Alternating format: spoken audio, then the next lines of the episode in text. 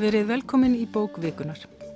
Í dag ætlum við að fjalla um splungunýja þýðingu á klassísku verki Volden eða Lífið í skóginum eftir Henry David Thoreau. Volden kom fyrst út árið 1854. Því var nokkuð byð á hún litið dagsins ljós á íslensku en það voru þær Elisabeth Gunnarsdóttir og Hildur Hákunadóttir sem loksins tóku þetta mikla verkaði sér því bókin er þó nokkur dóðrandur. Bókaútgáfan Dimma stendur að útgáfinni og þar er vanda til verka. Bókin er fallegur prentgripur, Hildur Hákunadóttir myndskreitir, Ritthöfundurinn Gerðir Eliasson ritar ingang en hann hefur aldrei leint því að hans í undir töluverðum áhrifum frá Thoreau og þessu fræga verkjans og í lokin má finna greinargerð þýðenda um höfundin og um þýðinguna. Þá er nokkuð um skýringar og ýmsum atriðum tekstans í neðalmáskreinum. Henry David Thoreau fættist árið 1817 en varð aðeins 44 ára gamall og dó árið 1862. Átta árum eftir að Volden kom fyrst út. Sú bók er hans þekktasta rítverk en Thoreau starfaði meðal annars sem kennari og rækum tíma sinn eigin skóla og samt bróði sínum eh, sem landmælingamæður og sem greinahöfundur fyrir dagblöð og tímaritt. Einn frægasta reitgerðans er Borgarleg óhlýðni sem kom út árið 1849 en var þýtt af Elisabethu Gunnarsdóttur árið 2009 og byrtist þá í tímariti máls og menningar. Eh, þar fjallar hann um mikilvægi þess að fylgja innri síðgæðisvitund frekar en óréttlátum stjórnveldum og það er stef sem Þorró heldur áfram að fjalla um í volden.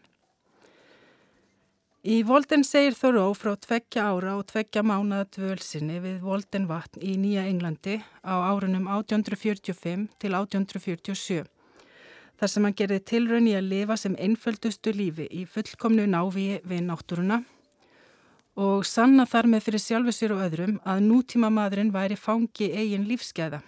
Hann dæmdi sjálfa sig til vinnuþrælkunar og andleirar fábreytni til að öðlast verallegar eigur sem væri ekki aðeins ónöðsynlegar heldur beinleginis hamlandi fyrir þroskans, frelsi og hamingu.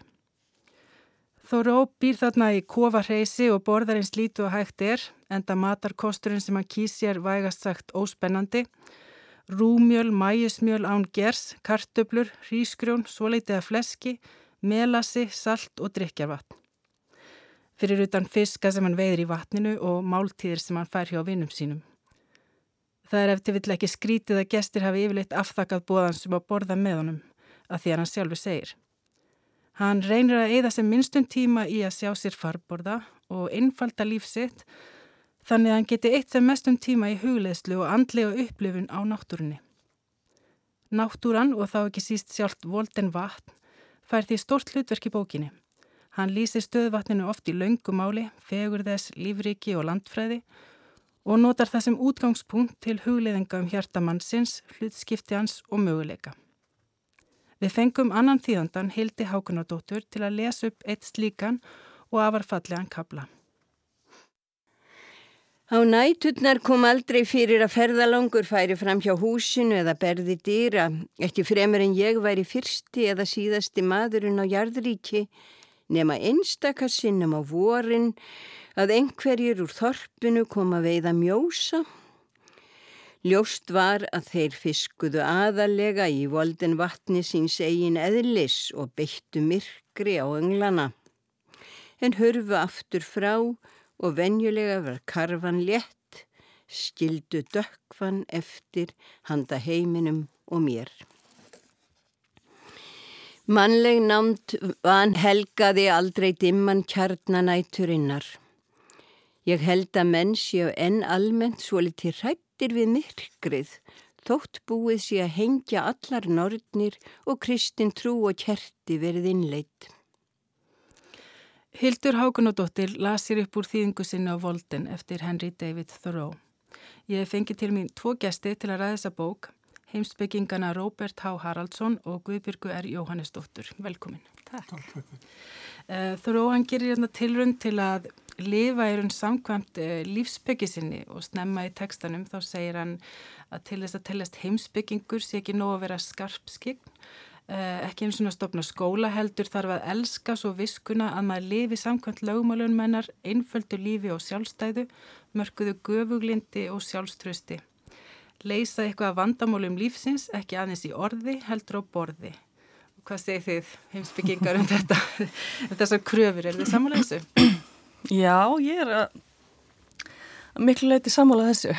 Að, mér er alltaf fundist, sko, síðan að ég byrjaði hérna mitt heimsbygginám, það var svona fyrsta sem að fóra að fara í taugarnar á mér, sko, heimsbyggin væri einhvern veginn ekki nógu tengd í örðinni sko. Og, hérna, og verðum ekki nóg mikið að fást við að leysa sko raunveruleg vandamál. Já, þannig að hérna, mér hefur alltaf fundist að, að maður eigi hinsbyggi að leytast við að, hérna, að koma einhvern veginn hugmyndum sínum í, í framkvæmt, komaði með einhvern farfið þar sem að þær geta hérna, haft áhrif. Já, einhvers konar hugsunni, þetta er náttúrulega mjög anda þessi aktivisma kannski sem hefur verið uh, vaksandi undanferðið mm. Já, ég, sko, ég er sammála og sammála, sko, ég er alveg sammála uh, því sem uh, Guðbjörg er að segja að þetta er mjög æskilegt að, að heimsbyggin hjartengi sér svona og mér finnst uh, mjög öflug vít horfin út úr heimsbyggin þegar þetta er ekki inni.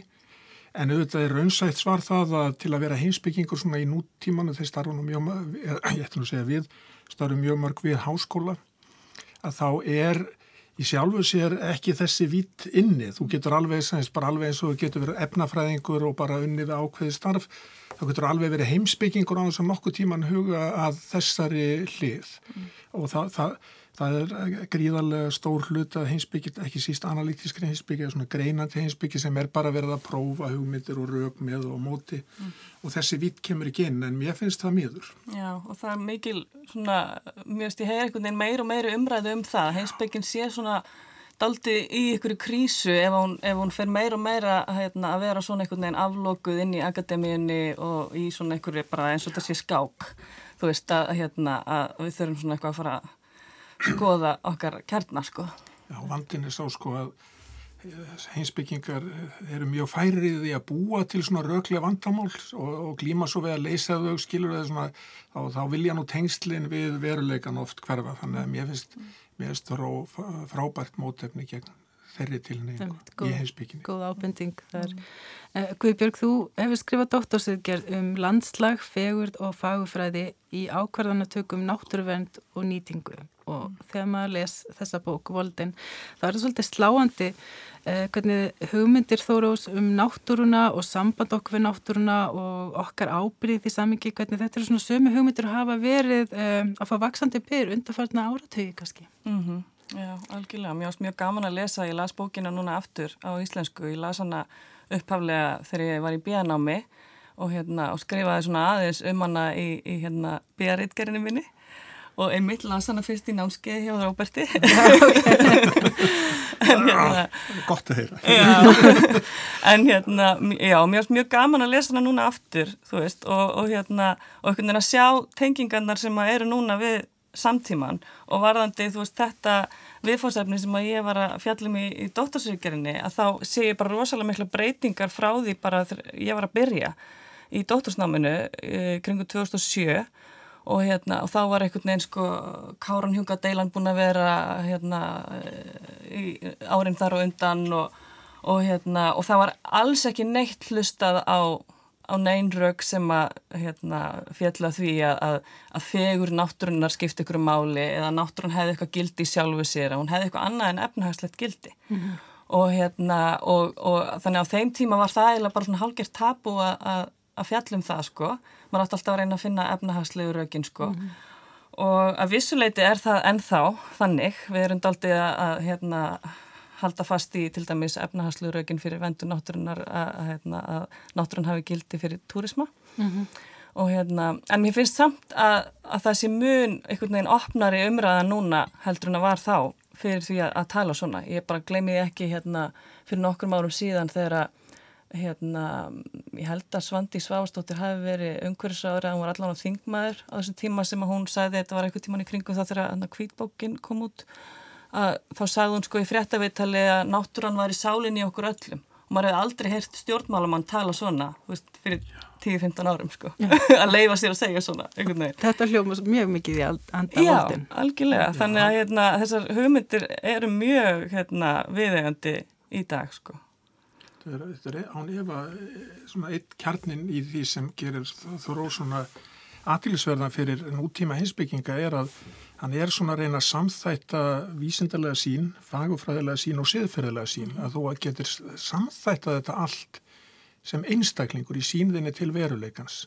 Mm -hmm. Það þurfur ekki bara að horfa á þetta svona eins og dauða náttúru mm. við elræna. Og minnst það er mitt sko hérna, þessi bara áherslu á skinnjun úst, sem að ég er raunin að leggja áherslu á með því að fjallum landslag og, og, og hérna, fagferðileg gildi og fagferðilegur upplifanir og svo leiðis að, hérna, að það er hversu mikilvægt það er bara að við lærum að, að hérna, veita skinnjun okkar aðtiklu og hvað áhrif skinnjun okkar hefur á okkur. Og hann er náttúrulega bara þetta er sko svo yndislega lýsingar á bara betni skinnjun og þar er hann bæði að lýsa því hvernig hann er að upplifa og upplifa fegurð og, og eitthvað svona snertingu við náttúruna en líka að lýsa hvernig hann er að rannsaka náttúruna eins og hérna lýsingarnar alveg ítalegu lýsingarnar á því þegar hann er að mæla dýftina á vatninu og, mm. og allt þetta þannig að einmitt eins og þú segir hann er svona samþætta hérna það þú veist þetta fegurðina og hvað áhrif hún hefur á, á, á viðhorfan svona siðferðislega og, og hvernig þessi skinnjun er svona okkar mikilvægasta rannsóknar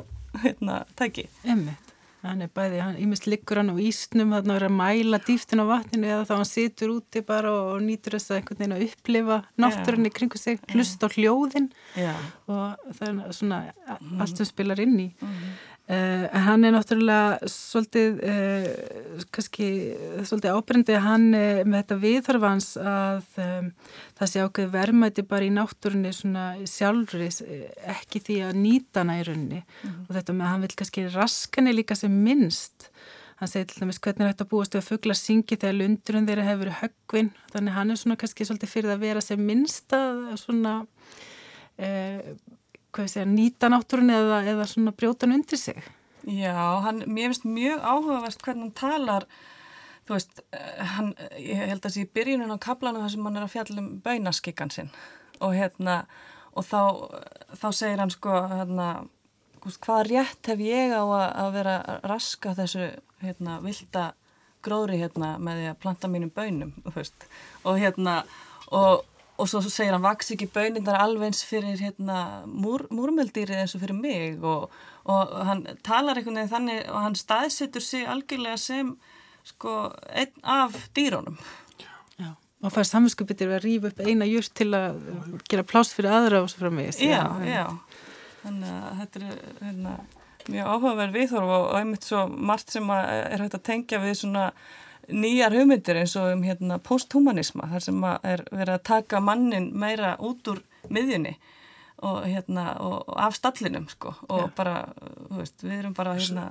dýr eins og önnur dýr og við erum bara lífverðar eins og plantur og hérna segir hérna mjög, mjög sláandi setning í, í bókinni í íslensku þýðingunni ég hef komist að því hvað eftir annað og setni árum að ég get ekki fiskað án þess að falla svo litið í áliti hjá sjálfuð mér en hann hugliði mjög tengst sín við dýrin. Já, en hann, hann veiðir samt fisk og hann segir að hann, hann finnur svona minna samanskipiti við því að veiða fisk. Hann er hættur að veiða fuggla þegar þarna komið sög þannig að hann getur það ekki lengur. Já.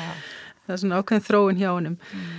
Uh, Róbert, þú hefur stúdrað hugmyndir Þórós Tölvert og hugmyndir Ralfs Voldo Emersons og hann var að einhverju leiti lærifæður Þórós og þeir voru svo kallar transcendentalistar. Getur þú kannski útskýrt aðeins hvað fælst í því og er til eitthvað íslenskt heiti yfir það? Já, sko, ég er ekki alveg vissum að þessi fast orði komið yfir hugdagið en, en hugsægis higgja er það sem ég hef séð og, og notað Eh, það er ekki hlaupið að því að skýra þetta en einlega er að tengja þetta náttúrulega við þýska, þýsku transcendental idealistana sem er svona forskilvillig hughyggja og ef þú hugsaður um svona bútur sögu heimsbygginar að ef þú byrjum á lokk að þá talar hann um að, semst, að allar hugmyndir okkar komi úr reynslu.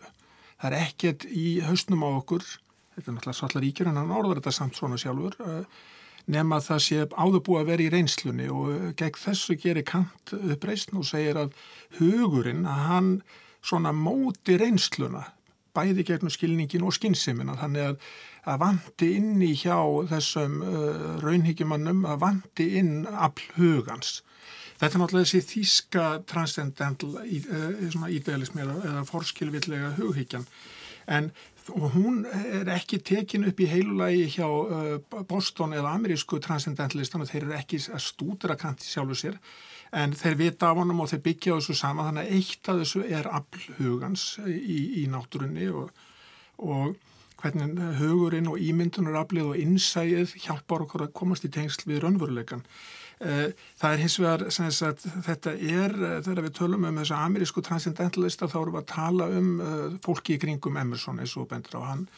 Hann er algjörlega leiðandi hér, hann er, hann er sagt, 15 árum eldri en, en Thoreau, helt útskriftaræðuna yfir Becknum sem Thoreau var í Harvard og síðan kynnast þeir eftir það.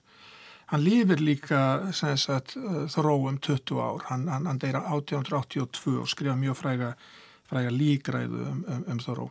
En, en sem sagt, þetta, þetta eru menni svo uh, Bronson Alcott og, og, og, og uh, Margaret Fuller, uh, sagt, réttinda baróttu konan fræga og margi, margi fleiri þarna í Concord og Boston sem mynda svona í kringum Emerson svona hóp og það sem einkennir þá er, er þetta atriði varðandi af hugans, það er líka ofbúðslega sterk uh, trú á sjálfströst, að trista á sjálfan þig og að hafna svona hjarðhyggju að falla í uh, fyrirfram uh, svona mótuð mót, mótuð mót sko þannig að það er og síðan er svona trúarlegur þáttur í þessu líka. Þeir, þeir eru flestir mjög trúaðir en samt á þann hátt að þeir rúmast ekki neitt í kirkju. Þannig að þeim er eiginlega bara ítt út úr kirkjusöfnu. Er trúa ekki í svona neinum hefböndnum skilningi en þeir trúa á sagt, svona samsemt sína bæði við náttúruna og að hefði guðurlega.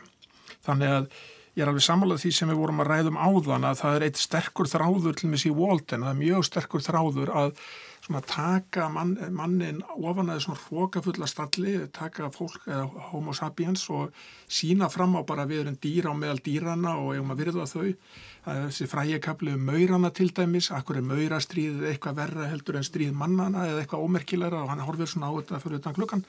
Mm. En, en svo er líka alveg ofabóslega sterk hugmyndum að við séum guðlega verur það er mjög stert hjá Emerson við, ég er sens að ég er guð í náttúrunni ég er guð í yllgresinu ég, ég, svo að það tala stundum eins og það séu bara eitt, eitt, eitt og því sama með almættinu Það, hann sækir náttúrulega mjög í svona, það er, hann vísar í trúaritt eh, eða svona lífsbyggiritt kannski og ímsum eh, trúarbröðum og, og svona svolítið austrænritt, þannig að hann sækir svona við að það, það er kannski þetta með að ger ekki einni trúastöfnu hærundur höfðin annari, hann svona sækir eh, innblástur við að. Já, þetta er eitt af mörgum uh, áhrifin sem Emerson hefur haft á hann, uh, á, á það ró. Ef þú lest ritt Emerson sem er með, mjög mikið af sömu stefum, fyrsta bók Emersons heitir til dæmis, eða eina fyrstur rittum hans heitir nú bara Náttúran og þar hefur þorra lært mikið.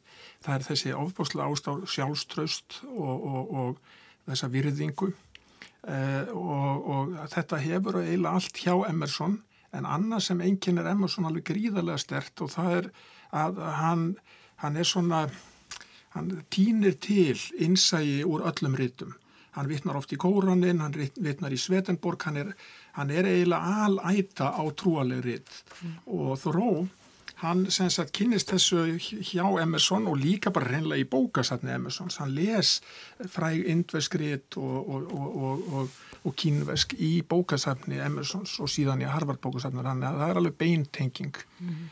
og þú sér þetta allmis í fyrsta kaplanum, þar vitnar hann þrísvar í Confucius bara undir nafni. Uh, svo vitnar hann oftar í hann bara undir svona uh, óbeinilýsingu eða, eða svona Eh, eins og vitringurinn sagði, mm. spekingurinn eh, þannig að, já Mér fannst þetta mjög áhugavert af því þetta er eitthvað sem ég veit ekki aðtekli þegar ég las hana fyrst sko mm. og mér fannst þetta mjög áhugavert að sjá hvað hann var mikið að vísa í svona austræna speki mm -hmm. og, og hérna og ég fór líka að sjá, veist, maður sér alltaf eitthvað nýtt í bókum sko þegar maður hérna, veist, á hverju tímapunkt í lífisinu sem maður lest þar og sér maður eitthvað nýtt. Og núna tók ég mun meira eftir þessu og tók eftir svona einhverju tengingu við fyrirbarafræði og, og náttúrulega fyrirbarafræðin og austræna heimsbyggin eru oft hérna, eru mjög nátengdar þannig séð að, hérna, að það er þessi áhersla á skinnjunina og, og reynsluna sem að hérna sem að er bara rosalega afbrandi þarna í honum og það, það er einhvern veginn, ég veldi í fyrir mér einmitt hvort að það, þessi áhrif komir svona stert frá austræðinspökinni sem að síðan framkvæmlega það að mér, mér finnst þetta að vera fyrirbarafræði sko, að að það er þessu tengdar og það var mynd mjög áhugavert verkefni sem Björn Þorstinsson heimsbygging var með fyrir nokkrum árum sem var einmitt um náttúruna í ljósi fyrirbarafræði og austræðinar heimsbyggi þannig að hérna, uh, já, mér ást þetta mjög Getur kannski útskýrt aðeins með fyrirbarafræðinu svona hvað Já, er sem að... Já, hérna, fyrirbarafræðin er sem sagt hérna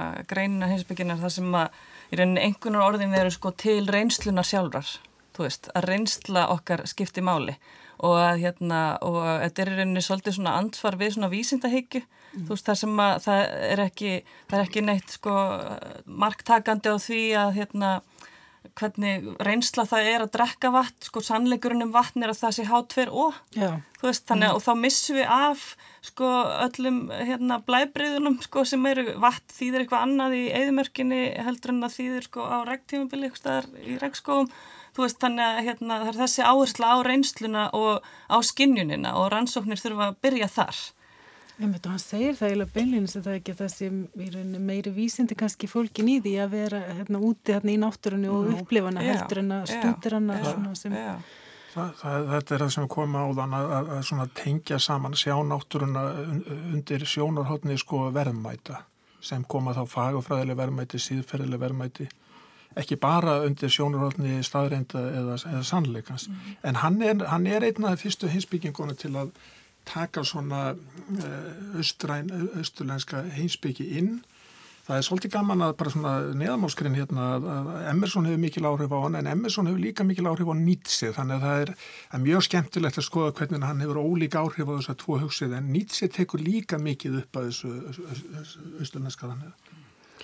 Það er náttúrulega eh, verður mjög andlegur svona tótn í bókinni og Þóru talar um á einu stað að hann finnir svona köllin til einhvers aðra, andlegs lífskallar hann það, en líka til einhvers annað sem er einfaldur og frumstæðra. Hún segir að ég ann því vilda ekki síður inn hennu háleita mm. og það er svona eins og svolítið, fyrir svolítið plássiða hjá honum að tala um þetta. Það er þetta kannski dýrslega og vilda sem að heillar hann en hann er líka sækist eftir hennu háleita. Það er, ég, nákvæmlega þess sem ég var svolítið að ræða um áðan að það Það er, maður mætti nú raunar uh, gera ansi mikið úr því í lestri á, á þorró og ég held að lesendur sjá þegar að lesa þessa fínu útgáfu að hann er mjög flókin og samsettur höfundur svona mikil innri spenna í honum og uh, hann er svona, svo ég vittna nú bara í Nietzsche, Nietzsche segir að miklir heimsbyggingar séu þeir sem getur rúmað andstæður mm. og þorró er greinilega mikil heimsbyggingur í þeim skilningi og þetta er alveg, alveg hann hann, hann sér mannin, hann er bæði eins og ég var að segja áðan að taka hann á hann að þessum stalli en hann er líka alltaf með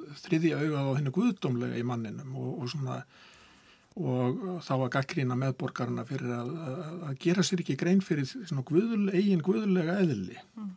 sem er, er, er samt mjög heimsbyggilegu skilningur og eigin guðulega eðli sko það er ekki, það er ekki svona uh, hann er ekki kannski hallur undir einhverja ákveðin, ákveðin, ákveðina trúasetningar eða neitt svoleiðis en en það, það er voruð tvekja mjög stert þarna.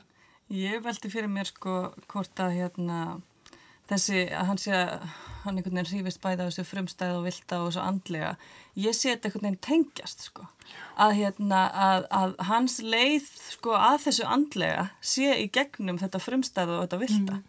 veist að hérna vera bara vera meiri líkami, vera meira dýr stjórnast Já. meira af náttúruöflunum veita hérna náttúrunni og umhverfi sínu aðtikli á svona rosalega einbeittan hátt eins og dýrin gera og eins og hann, hann segir við ætlum að hérna, lifa meira eins og grasið, segir hann. Þú veist, grasið hérna tekur bara á móti hverjum einasta daggardrópa sem að fellur á það og við þurfum að vera svona opinn og, og móttækilega eins og grasið sko og hérna og það er svo fallegt hvernig hann einmitt svona virðist sko einhvern veginn vera að leytast eftir því að sjá hvað við getum lært af af dýrum og jörtum, hann segir hann einmitt þarna í kaplanum um baunaskikkan hvað get ég lært af baununum? Og hvað get þær lært af mér? Og, og hvernig hann lýstir svona alls konar samskiptum við, við dýrin, hvað ætli hérna, heimbremmin sé að hugsa núna? Hérna, og hann er auðvitað velta fyrir sig hvað ég er að hugsa og, og hérna, þannig að mér finnst hann einhvern veginn, þú veist, í gegnum þessa, þetta frumstæðat og vilda, þú veist, að þá einhvern veginn næra hann einhverju svona betri andleri tengingu við sjálfa sig og við hérna og umhverfið sitt. Já, ég held að þurfi, ég er sammálað þessu, en hann þarf hjálp þarna. Þegar maður skoðar bókina þá fer hann þarna þessi tvö ár og tvö mánuði. Hann er líka sína hvernig þú getur lifað einfallega og í tengslu við náttúruna til að geta helgaði uh, eh, síðmenningu og andanum semst, uh, og, og til dæmis sækir afskaplega mikið til uh, fortgrískra hugsuða og, og, og svona spekinga þannig að ég held að, ég held að þetta myndi ekki kannski, þetta er, þetta er mjög skemmtileg spurning hvort að þetta myndi geta sprottið upp í Walden án þess að hann hefði háskóla gráðu frá Harvard og, og, og líka allan þennan lestur í allir þessu bókasendu því að það, þannig að hann er líka mikið að veltaði fyrir sér að fá næði uh, og tómarum til að geta tengst öðrum mannum sem hafa komið á undan uh, og hafa skilið eftir sig svona andleg verk mm. og hann telur semst að við séum búin að flækja okkur eins og þú lístur í engánum við séum búin að flækja okkur svo mikið í, í svona því hvernig við fullnægjum frumkvötunum okkar við erum komið svo flókna aðferð til þess að við náum aldrei að komast á þann stað sem ætluðum semst að komast á. Uh, markmiði var að fullnægja frumkvötunum svo við gætum farið að helga okkur andanum. Mm. Þetta, þetta, er, þetta, er, þetta er merkileg stúdíja. Og þetta er líka svo sko, mikilvæg bóðskapur í dag. Veist, við höfum endalist aðgengi upplýsingum, sko, höldum að við getum vitað allt, en við höfum engan tíma til að fræðast eins og hann, hann talar um. Hann fór í skógin sko, til þess að hafa tíma til að fræðast. Já og við einhvern veginn og velja já, við höfum ekki eins mikið tíma við gefum okkur ekki mikið tíma í, í þessi en það er einmitt kannski eitt af því sem er svo áhugavert þegar maður er að lesa þessa bóka það eru samt svona áherslur eða gildi sem hafa verið mjög tísku undanfarið já. Eh, kannski einmitt út af þessu það er eins og þessi umræðum núvitund já. og hann talar um það þetta með að geta bara dvalið í núinu mm og svo þessi hugleðsla sem hann í rauninu stundar og þessi mínimalíski lífstíl líka sem hann bóðar, hann er náttúrulega mjög á móti þessari gildru efnisíkunar mm. kannski heyrum hann lýsa aðeins uh, þessari bóðun sinni um einfallleika Lífi okkar er sjólundað í aukatriði Heiðarlegur maður þarf alltaf annað en að telja upp á sína tíu fingur ef í nauðurnar rekur að bæta við tíu tám og slengja saman því sem afgengur. Einfaldleiki, einfaldleiki, einfaldleiki. Ég segi, haldu þig við tvent eða þrent en ekki hundrað eða þúsund hluti. Í stað miljónar teldu hálfa tilt og reikningsuppgjörunu ætti að vera hægt að koma fyrir á þumalfingur snögl. Mitt í Olgusjó nútíma siðmenningar eru því líkir skíabakkar, stormar og kviksindi og þúsund og eitt atriði sem higgja þarf að ef maðurinn á að komast lífs af, ef hann ætlar ekki að farast og sökva til boss og ná alls ekki landi. Sá sem ratar villustygu lífsins er því sannarlega áttvís. Einfaldaðu einfaldaðu. Við heyrðum hér Hildi Hákonadóttur, lesa úr þýðingu sinni og Elisabethar Gunnarsdóttur á Volden eftir Þoró. Hjá mér eru Guðbjörgar Jóhannesdóttir og Róbert H. Haraldsson. Um, eins og ég segði á hann, þá er þetta kannski gildi sem hafa verið mikið prétikuð undanfarið. Hann er ekki mikill efnisíkjumæður. Mm. Það veit svo sem allt veit. Ég vildi samt koma eina svona smá, uh, smá fyrirvari hefna að, uh, hann eins og kom svo vel fram í þessum lestri að þetta fjallar svo mikið um að einfalda hlutina eh, en og, og, og finna hvaðu nöðsynlega þart en ég lít ekki endilega svo á hans í nöðsynlega bóða minnleitarlipnað eða neitt slíkt. Hann er líka, það er afskaplega sterkur þráður í gernum alla bókina að við njótum ekki þess sem við höfum. Og að, að, að og hann er með svona hugleðingarna það að til að virkilega geti farið að njóta hlutun að þú þurfa að taka eitthvað frá þér, þú sér til að þessi stíplaða kerfið, þannig að ég lít svona frekar á þetta svona þannig þó að auðvitað sé þetta mjög eh, einfaldur lífstíl og mörgulegt er hann að koma upp núna, ég er bara til og meins nýlega búin að sjá bandaríska greinar um svona lítil hús, það er verið að selja þau núna mjög grimt, að fólk getur keft sér svona lítil hús, að þá held ég að þá held ég að sé frekar eða þú lest alla bókina að hann er að segja að þú verður að læra að njóta og, og nýta til mis, þannig að hann er ekki að eins og sumir að gaggrina all, allar afurðir, síðmenningarinnar eða tækninar hann er að svona gaggrina það hvernig við gröfumst undir þessu og hvernig við hætta að njóta þessu og svona. Mm -hmm. Þorra óbara svo ég bæt mig aðeins bætaði við að hann áða til að vera mjög íkin og það er eitt af því sem gerir fær fólk, hann pyrrar marga þess vegna. Hann, hann til dæmis í greininni Walking eða Gangan sem er mjög, mjög flott grein sem að byrta á síðasta æfi árinu að þá hljómar hann eins og hann sé bara að tala eh, fyrir hönd náttúrunar og hafna allir í siðmenningu. En hann tekur alveg skýrt fram í upphafi að, eh, sagt almenningur og allir aðrir í Concord og, og Boston að þeir, þeir mæli síðmenningunni bót þannig að það sé svona að setja sitt lóð og hinarbúa skálvarnar. Mm -hmm. Hann á þetta mjög til að fara mjög langt. Mm -hmm. Annað dæmi, hann segir mjög snemma í bókina við höfum ekkert við reynslu forfeðran að gera, við höfum bara að prófa allt sjálf. Þetta gengur held ég alls ekki en aftur ég held að hann sé að íkja Ögra kannski. Já, ögra með þessu orðalagi. Hann sé að segja semst, það eru allir að tala fyrir því að þú beigið undir hefðirnar og þá fer hann alveg í hinnar augarnar. Ef þú lest síðan alla bókina þá smá sérðu að hvernig svona kenningin er, er þrætt út. Þetta er svona svolítið... En mér finnst þetta einmitt sko, ég einmitt hugsaði strax hérna, mínimalísku lífstíl, þetta er búið að vera svo mikið æði undarfarið, þetta er alveg hérna, talar alveg bindin í það sko. Svona, en, en það er líka það sem það snýst um og, og, og verið snúast um hjá honum líka er bara sko, meðvitund, að vera meðvitaður um sko hlutina sem þú ert að sanga að þér sko. ekki, ekki sapna en bara af því bara bara af því að sko Jóni Jónsson í næsta mhm. húsi feist það svo töf sko. heldur að hérna, vera bara virkilega meðvitaður um einmitt hvað þú þart og hvað þú þart ekki og hvað þú vilt og hvað þú vilt ekki og kannski hversu mikið þú þart að hafa fyrir því já, nákvæmlega, hvers, já, hvers virði er það sko, mm -hmm. hérna, í raun og veru veist, og hérna þannig að mér finnst þetta mjög hérna bara góður bóðskapur inn í, inn í samtíman enn og aftur sko. Er, ég skil mjög vel að þessi þýðing sé að koma núna, mér finnst það mjög viðjandi og mér finnst mjög skemmtilegt að heyra á þann að Elisabeth hefði þýtt borgarlega ólíni árið 2009, hún er greinlega mjög svona nöska og finna rétta mómenti sko til að koma þorra að þetta í þessu stafila. Já, réttu sangi. Ég er, er alveg samanlega því að það er virkilega gaman að fá þessa bók núna. Mm. Það er svo sem líka hefur verið gaman að fá hana fyrir en það er fyrðulegt hvað hún vex svona Já. með tímanum mm -hmm. uh, eins og að það var náttúrulega fyrir svolítið út í uh, tekur hann stundir svolítið stertum mála og eitt af því sem mér fannst einmitt svolítið þreytand og köplum var kannski framanna var að þetta var svona svolítið prétugunatótt fast mér, hann svona tala með mitt mikið um það hvað samtíma mennans og nágrannar mm. séu fastir mm. í viðjum uh, hverstagsins og, og hafi svo þröngan sjóldildarsing og þetta verða svona ofsalega langar svona ádeilur á þá.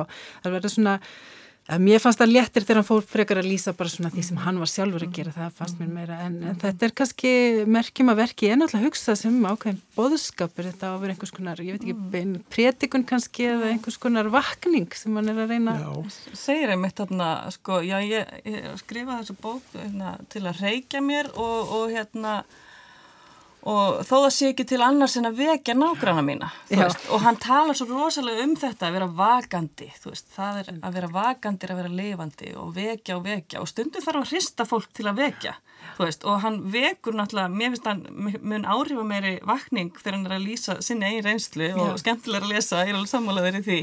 En, en stundum þarf maður líka að benda fólki á að hugsa um sitt eigilíf sko, og hvernig hérna hugsa um þeirra eigingildi og ég hugsa þessi predikunarstýl hérna virki ágætlega í það. Já, hann, hann alltaf er með þetta sem svona yfirskriftir allir bókinni að hann alltaf svona reyja sig eins og árgalinn á príkinu til að veikja nágrannan. En sko ég er alveg sammálað þess að, að, að, að þetta er einna mjög mörgum stöðun og það sem að tekur mjög stert og aftráttalust til orða. En þetta er kannski svolítið gott dæmi til að útskýra ef þú hefur þólimæði því að sem lesandi að, að hvernig þetta er endilega ekki svona uh, út í gennum bókina því að hann segir mjög snemma að hann skrifið þessa bók handa ákveðnum tegundum lesendum sko þannig að hann er ekki og það, það, þannig að það fyrir að afmarka svolítið svona lesendahópin sinn.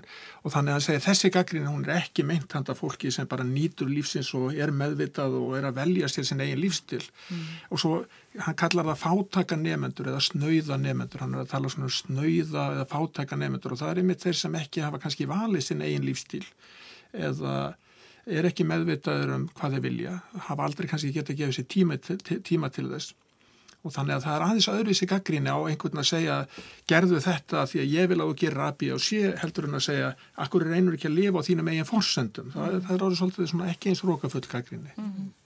Fannst þú svolítið eins og að lesa þessa bók? Þá þýrtum að lesa hana uh, á ákveðin hátt því að hún er ekki beinlinnist, það er ekki beint framvindiðin eða söguþráður heldur er þetta stuttir kablar sem er náttúrulega lengri en aðrir það sem er svona, hann er að velta fyrir sér ymsum þáttum, hann er að velta fyrir sér bara náttúru fyrirbærum og tala lengi um til dæmis vatnið, voldin vatn sjálft er bara mjög stór hluti.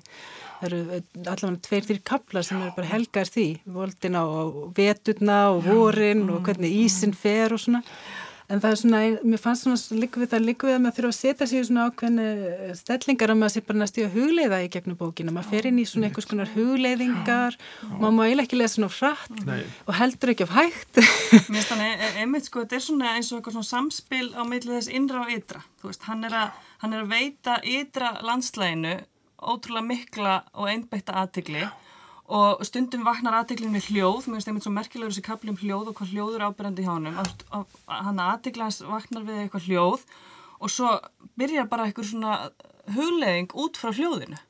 Veist og hérna og nokkra blaðsýður bara veist sem að spretta út frá því ykkur sem hann tók eftir og sem hann skinnjaði og, og þannig að þetta verður svona eins og sko hann, hann er að skinnja sitt ytra landslag og sem að leiðir hann inn í að skinnja líka sitt innra landslag. Þannig að mér finnst það mjög Það er náttúrulega kannski að því að hann setur þetta fram bókin í rauninni sem einhvers konar lýsing og tilraun í að lifa samkvæmt ákveðinni heimsbyggi og síðasti kaplinn heitir hreinlega niðurstaða. Þannig að það er svona eins og þetta sínast í skýrsla og þannig að niðurstaðan. Og það er svona eins og bóðskapurinn sé sá að það er óþarfið að leita langt yfir skamt þar að segja það er mikilvæg að kannra innra landslag heldur en að vera að ferðast út um allan heim mm. til að leitað einhverju. Það er svona eins og það sé hans niðurstöða eða? Já, það er sannarlega einn niðurstöða. Hann alltaf frægur fyrir að hafa sagt þessa setningu að, að, að, að ef þú bara sest niður í skóginum í róliheitum þá hérna munu öll dýrin koma og sína sig hvert af öðru og þú farið að sjá allt. Mm en hann, hann gerir gríðarlega rannsóknar, hann lappar um alla, eh, mikið í Massachusetts, hann skrifa dagbækur, ég var nú að lesa það núna, það eru tvær miljón orð, eh, tvær miljónur orða í, í dagbæk, dag, dagbókum hans. Og svo valda nú líka alveg frábæran stað til að vera á, ég fór þarna í vor, loksins gæti gefa mig tíma til að fara að valda en tjörn. Og ég á nú skítrættur alveg eins og ég sé að gerðir að var sko að því að þetta er svo mikil auðlýsingamerska og og, og, og rusl sem maður búin að heyra en nú er alveg, þetta er alveg rosalega reynd og stýrt aðgangjað og allt í upprunalegri mynd þannig að það var dásanlegu dagur þarna mm. það valdi mjög svona flottan stað mm.